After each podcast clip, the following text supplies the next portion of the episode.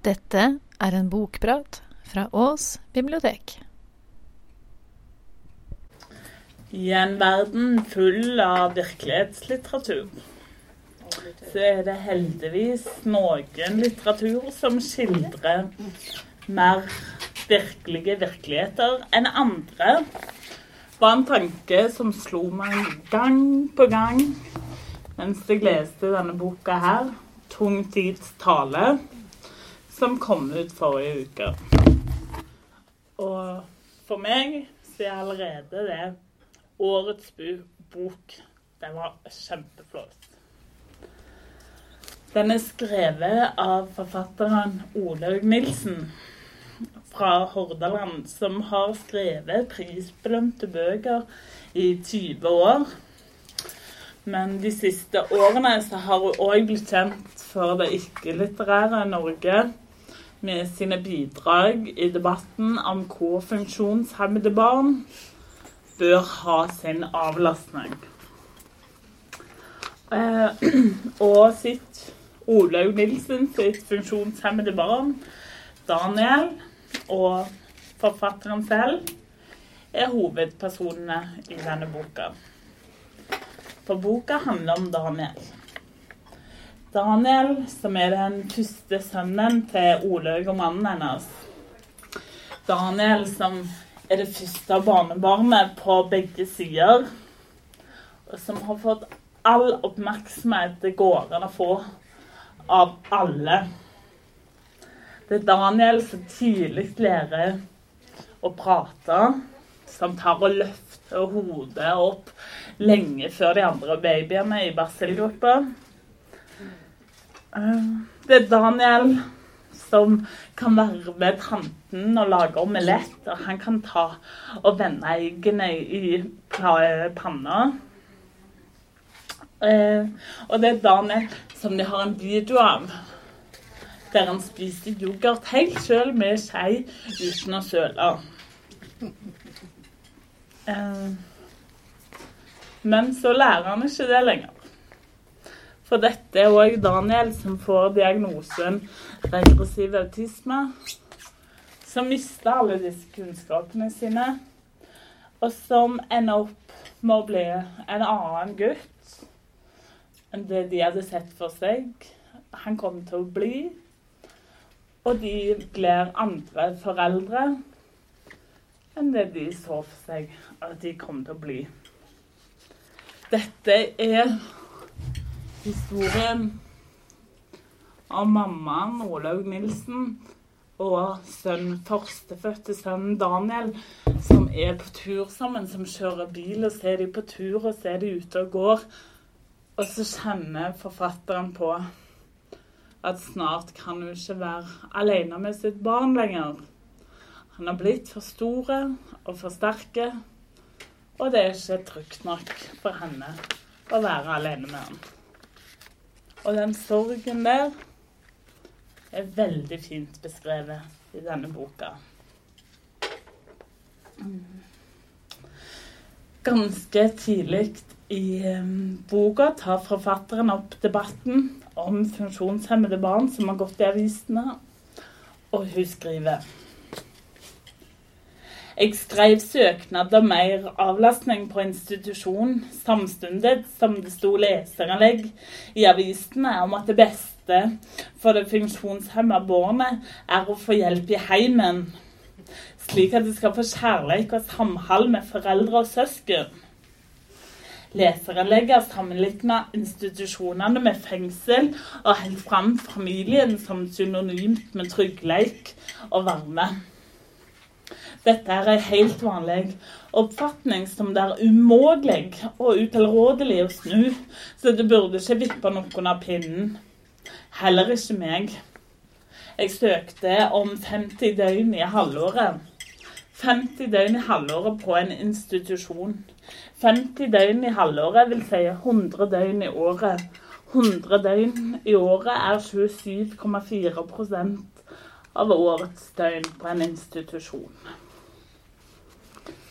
Jeg syns at denne teksten er en god beskrivelse av den tvilen som jeg ser for meg at en mor med et funksjonshemmet barn er nødt til å leve med.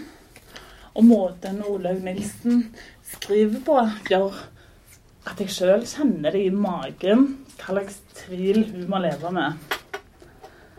Mm. Mødre skal ikke gi opp, blir det sagt. Men hva er aksept, og hva er å gi opp, står det bak på denne boka. Og det er på mange måter en god beskrivelse av denne teksten. En blir mer glad i barna som er annerledes, er en setning som går igjen. På et tidspunkt står den setningen alene på ei side og er en korttekst i seg sjøl. Flere andre plasser i boka så står han inni andre tekster. Og da er det ofte beskrivelse på hva man bør si, og hva man ikke bør si til en familie med et annerledes barn i. Ganske tidlig i boka så er det en tekst som går sånn som dette.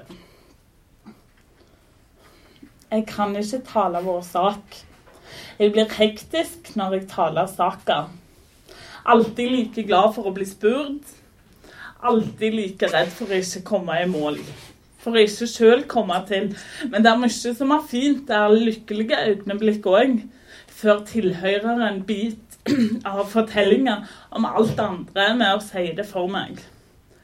De må ikke nå å si En blir jo mer glad i de barna som er annerledes, for da girer jeg opp et hakk og blir krakilsk, som om jeg lyver, selv om alt jeg sier, er sant.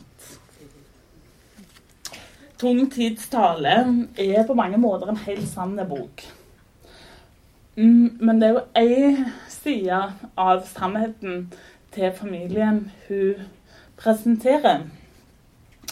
Daniel har òg to yngre brødre. Og de er òg med i boka, men det er alltid i forhold til Daniel de er nevnt. Eh, de er med når vi forteller om den ni dager gamle veslebroren som er med på brystet hennes i møte med saksbehandler. Og de er med når hun hører storebror fortelle lillebror at sånn er det pga. autisme. Og eh, hun har bare skildret hans versjon av det. Eh, hun har skrevet respektfullt og fint om de andre medlemmene i familien, syns jeg. For det er ikke deres historie hun har skrevet. Det er hennes historie, og det er Daniel sin. En blir jo mer glad i de barna som er annerledes, for å høre på ny og på ny. Og hva skal man si til det? Olaug Nilsen skriver om det hun kjenner, og hun skriver om det som brenner. Dette er dagliglivet til familien hennes. Boka er delt opp i deler som heter sånne ting som siste mandag i november, andre mandag og tirsdag i advent, siste mandag og tirsdag før jul. Og sånn går det framover til den siste teksten, som heter 'Tredje torsdag i mai'. Og jeg tenker at du har gjort det på den måten om to ting. Den ene er for å vise oss at dette er den helt vanlige hverdagen til familien. Og så viser du samtidig at tida den går. Den bare ruller og går med alle disse tingene de har. Uh, hun lar oss være med og se at det er uh, flere forskjellige kamper de må kjempe samtidig. Det blir med når de motvillig får denne diagnosen av all slags saksbehandlere. Og vi får, blir med å høre at de prøver å få den hjelpen de har krav på. Og mye møter. Tidlig i boka så får man høre at han får innvilga de 50 døgnene på institusjon. Men det tar sin tid å få den gjennomført. En del av boka er at hun ringer og prøver å finne ut hva som skjer. Og da blir hun sendt fram og tilbake.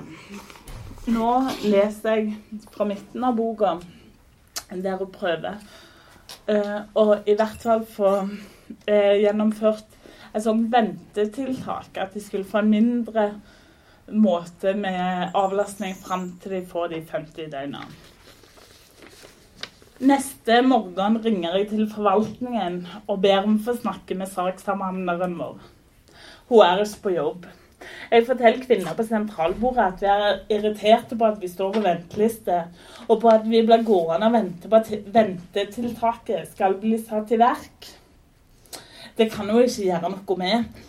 Det er etat for barn og unge som har ansvar for timeavlastninger. Dette vet jeg, men i stedet for å si at jeg vet det, og at jeg heller får ringe dit og høre hvordan det går, så begynner jeg å klage på at vi må vente. Og jeg sier at det er uhørt at jeg kan slå ettertrykkelig fast at vi trenger hjelp, for å så sette oss på ventelista. Dette er politisk bestemt. Det er ikke noe jeg kan gjøre noe med, sier eh, behandleren. Men jeg har vel lov å si det. Vi kan ikke ha stående ledige plasser klare til alle vedtak. Og det kan vi ikke. Vi har stor sympati med Nilsen og familien i alle deres møter i det eh, Kafka-aktige prosessene de må gå igjennom. Både når det kommer til å få en diagnose, når det kommer til å få denne avlastningen, og i Olaug Nilsen sin egen kamp om å prøve å få hjelp til å håndtere livet sjøl. Og dette Jeg syns denne boka har så stor litterær verdi, og det er bl.a. fordi det er ikke bare én side man får høre.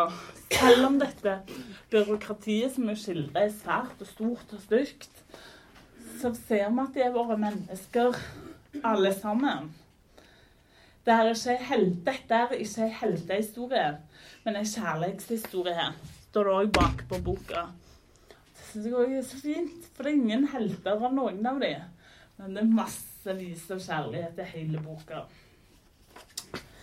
Um, jeg har kalt noen av de tekstene jeg har lest, noe for korttekster. Men på tittelsida til boka så står det at det er en roman. Og det er en roman. Det er en dokumentarisk, poetisk, jævlig god roman. Den er full med lange, gode tekster, men det er òg mange fine korttekster som står midt mellom alt. Det er tekster som går som dette, som forsiktig antyder alvoret. Å kjøpe blomster og sette dem midt på bordet i stua og se hvordan lyset fra vinduet faller på blomstene. Sitte i ro og se på dette. Hykse og gjemme blomstene bak kjøkkenmaskinen før du kommer hjem. Ringe gifttelefonen hvis jeg glemmer det. Og så er det andre tekster, andre avsnitt, som mye mer roper ut med store bokstaver hva det er som skjer. Hun skriver ærlig og nådeløst om hvordan det er å jobbe, leve sammen med en voldelig autistisk sønn. Hun skriver Lenge visste jeg ikke hva jeg skulle gjøre når du slo og beit meg. Du slo meg. Jeg sa nei og flytta handa di rolig tilbake. Du slo meg. Jeg sa nei og flytta handa di rolig tilbake. Du slo meg. Jeg sa nei og flytta handa di rolig tilbake. Du slo meg. Jeg brølte. Du beit meg. Jeg banka i veggen. Og det er poeten Nilsen som skriver. Og, og jeg syns det er en sånn ensomhet inni det som formidler så sterkt. Og jeg blir, jeg blir helt slått i magen. Jeg maler ikke. Hun maler med bred pensel og bruker svære ord på sier si at akkurat sånn som dette er det. Sånn som dette er det vi har det. Hun skriver Naboen tok det opp med oss en gang. At han sov så lett. At han ofte våkna av lydene dine og ikke fikk sove igjen. Du hadde vært vaken den natta også. Du hadde åpna vinduet, du hadde lirka beina ut i den smale åpninga og satt i karmen og laga høye lyder samstående som du klaska på glasset med håndflatene. Dette visste jeg naturligvis. Selv om jeg ikke hadde hørt deg med det samme. Jeg lå med ørepropper etter avtale med faren din.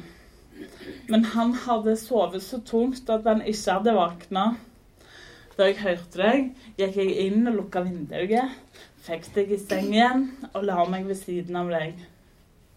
Videre utover morgenkvisten lager du høye lyder med ujevne mellomrom og klasker i veggen.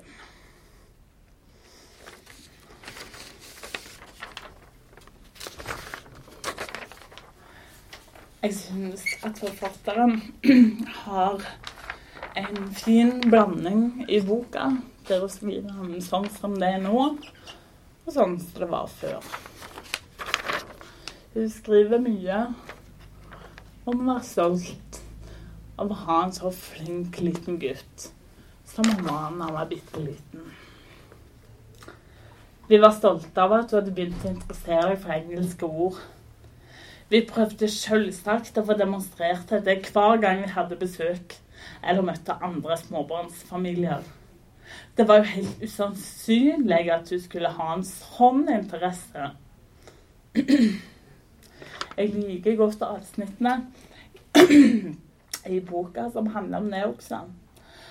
Og det er fordi at de alle er så godt skrevet med en sorg over at det ikke er sånn lenger. Men så er det fremdeles at han er fremdeles denne gutten òg for familien. I en situasjon der det er diagnoser og institusjoner og avlastning og voldelighet, så prøver de hele tida å se gutten sin for alt han er. Og det syns jeg er veldig fint. Um, boka har jo allerede fått veldig gode anmeldelser. Det har jo stått massevis om han i avisene, og jeg syns det har vært veldig fint å følge med på. Um, på Instagram så er det en bruker som har tatt et bilde av boka, og under så har han skrevet at um, dette er kjærlighetshistorie, og denne beholder jeg ikke. Denne skal jeg gi videre til noen som trenger den. Og det tror jeg vil være min konklusjon på denne bokpraten òg. At man må lese denne boka. Eller låne den på biblioteket, eller kjøpe den. Og så vet man etterpå hvem man syns burde lese den også.